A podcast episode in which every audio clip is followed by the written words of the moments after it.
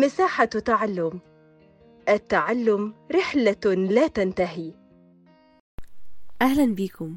معاكم رضوى محمود من بودكاست مساحة تعلم التابع لهيئة كير الدولية مصر.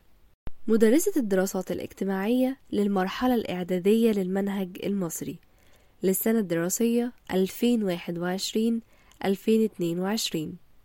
هنراجع مع بعض النهاردة منهج الترم الأول للصف الأول الإعدادي.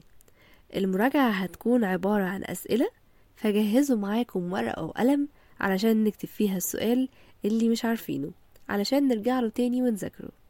يلا نبدأ مع بعض في أول جزء وهنبدأ فيه بالجغرافيا. هنبدأ بأسئلة بما تفسر. وأول سؤال معانا هو عدم وصول الشهب إلى سطح الأرض. ليه الشهب مش بتوصل لسطح الأرض؟ الإجابة هي بسبب ارتفاع درجة حرارتها واحتراقها كليا عند عند احتكاكها بالغلاف الجوي. يبقى الشهب حرارتها بتكون درجة حرارتها مرتفعة وبتحترق كليا عند احتكاكها بالغلاف الجوي. السؤال التاني هو تسمية كوكب المريخ بالكوكب الأحمر. ليه كوكب المريخ اتسمى بالكوكب الأحمر؟ لأنه بيتميز بتربة غنية بأكاسيد الحديد حمراء اللون. كده إحنا عرفنا ليه هو بيتسمى بالكوكب الأحمر. السؤال الثالث هو اختلاف ألوان النجوم. الإجابة هي لأن لون النجم بيعتمد على درجة حرارته فهنلاقي إن النجوم الأشد حرارة بيكون لونها أزرق. والنجوم الأقل في درجة الحرارة بيكون لونها أحمر. السؤال الرابع.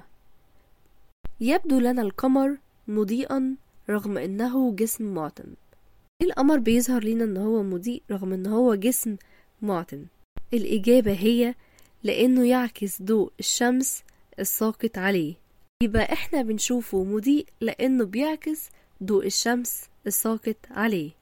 السؤال الخامس هو تسمية مجراتنا بسكة التبانة. الإجابة هي لأنها تشبه التبن المتساقط في الطريق. يبقى مجرتنا تسمى بسكة التبانة لأنها تشبه التبن.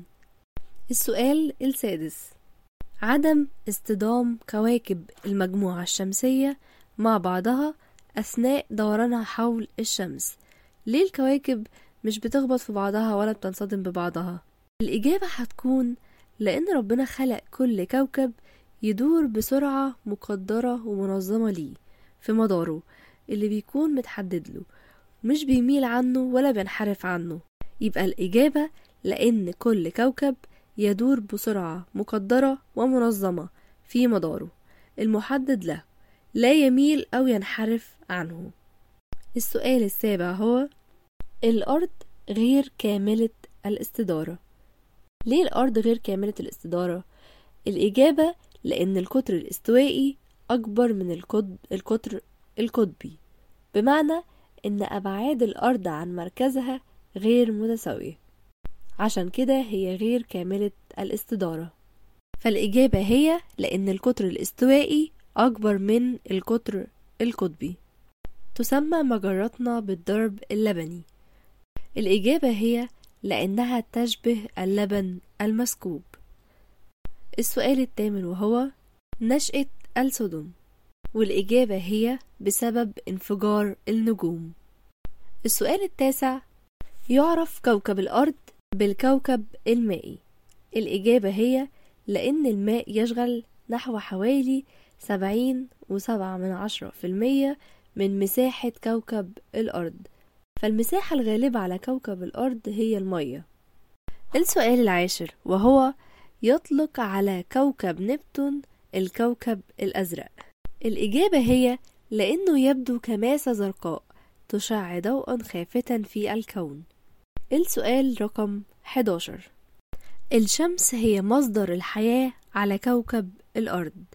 الإجابة هي لأنها تمد الأرض بالضوء والحرارة. إذا فالحياة على كوكب الأرض مستحيلة من غير الشمس لأن هي اللي بتمدنا بالضوء وبالحرارة. فالإجابة بكل بساطة لأنها تمد الأرض بالضوء والحرارة. السؤال رقم 12 وهو يسمى كوكب الزهرة بتوأم الأرض.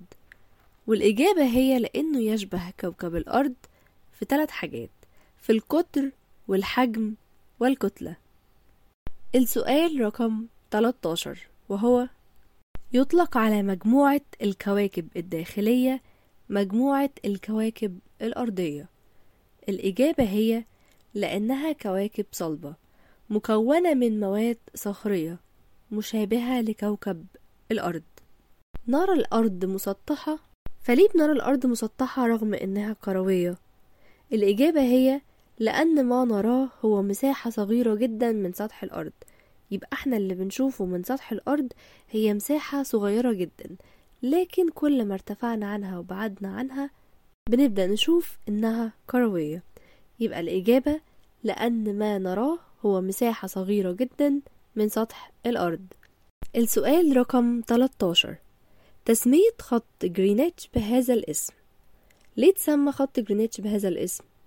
الإجابة هي نسبة لبلدة جرينتش اللي بتقع جنوب لندن واللي اتعقد فيها المؤتمر الجغرافي لتحديد خط الطول الرئيسي. يبقى خط الطول الرئيسي اللي هو خط جرينتش اتسمى بالاسم ده علشان البلدة اللي اتعقد فيها المؤتمر الجغرافي.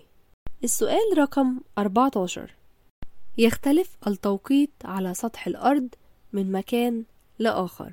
وممكن يجيلي السؤال ده بطريقة تانية وهي الأجزاء الشرقية من الأرض تسبق الأجزاء الغربية في التوقيت.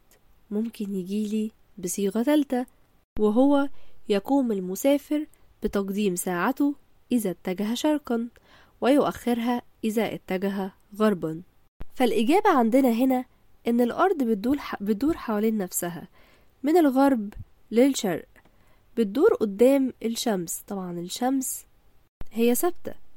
فالشمس بتشرق على الأجزاء اللي هي بتقع في شرق خط جرينتش قبل الأجزاء اللي بتقع على غرب خط جرينتش يبقى الإجابة هي بسبب دوران الأرض حول نفسها من الغرب إلى الشرق أمام الشمس. فتشرق الشمس على الأجزاء الواقعة شرق خط جرينتش قبل الأجزاء الواقعة غرب خط جرينتش وده بيفسر وده بيفسر السؤال رقم 17 وهو ليه الظهر بيأذن في مدينتي القاهرة والخرطوم في نفس الوقت؟ وده لأنهم بيقعوا على خط طول واحد. لكن لو جينا للسؤال رقم 18 وسألنا يؤذن الظهر في مدينة مكة قبل القاهرة. يبقى الإجابة هي لأن مكة تقع شرق القاهرة فتسبقها في الزمن لأن إحنا اتفقنا إن المكان في الشرق الشمس بتشرق عليه قبل الأجزاء اللي بتقع في الغرب. السؤال رقم 19 وهو أهمية خطوط الطول. الإجابة هي طبعا خطوط الطول مهمة جدا في تحديد الموقع على سطح الأرض شرقا وغربا. تاني حاجة إنها بتحدد الزمن وفروق التوقيت بين الأماكن على سطح الأرض. تالت حاجة تحديد مواقع البلدان والمدن. السؤال رقم 19 أهمية دوائر العرض. الإجابة هي إن دوائر العرض مهمة جدا في تحديد مكان الإنسان على سطح الأرض سواء شمالا أو جنوبا. تاني حاجة تقسيم الأرض لمناطق حرارية والتعرف على أحوال المناخ من حيث درجة الحرارة والرياح والأمطار. وكمان بنقدر من خلالها نحدد مواقع البلدان والمدن. السؤال رقم عشرين انحراف الأجسام الساقطة على الأرض عن الخط العمودي. الإجابة هي بسبب دوران الأرض حول نفسها أمام الشمس من الغرب إلى الشرق مرة كل 24 ساعة. السؤال رقم واحد وعشرين. أهمية دراسة التضاريس. إيه الأهمية في إن إحنا ندرسها؟ الإجابة وهي إنها بتؤثر في تنوع المناخ والنبات والحيوان. يبقى هي بتؤثر في تنوع ثلاث حاجات المناخ والنبات والحيوان. وكذلك النشاط البشري للسكان وكمان توزيعهم على سطح الأرض. يبقى هي بتؤثر في تنوع المناخ والنبات والحيوان وكذلك النشاط البشري للسكان وتوزيعهم على سطح الأرض. السؤال رقم 22 حدوث ظاهرة تعاقب فصول السنة الأربعة. ليه الظاهرة دي بتحصل؟ الإجابة هي بسبب دوران الأرض حول الشمس مرة كل 365 يوم وربع مع ثبوت ميل محورها في اتجاه واحد. السؤال رقم 23 وهو تعد الرياح أهم عوامل تشكيل سطح الأرض في المناطق الصحراوية. ليه الرياح أهم العوامل في تشكيل المناطق الصحراوية؟ الإجابة هي لأن الرياح بتقوم بنحت الصخور. بعد كده بتنقل المفتتات دي وبترصبها في مناطق أخرى وبيظهر منها كتير جدا من الظواهر التطريزية زي الكثبان الرملية والمنخفضات. يبقى إجابتنا هي لأن الرياح تقوم بنحت الصخور ثم نقل المفتتات ثم إرسابها في مناطق أخرى والتي ينتج عنها الكثبان الرملية والمنخفضات. وبكده نكون خلصنا الجزء الأول في الجغرافيا وهو أسئلة بما تفسر. في الجزء التاني هناخد أسئلة اختر الإجابة الصحيحة.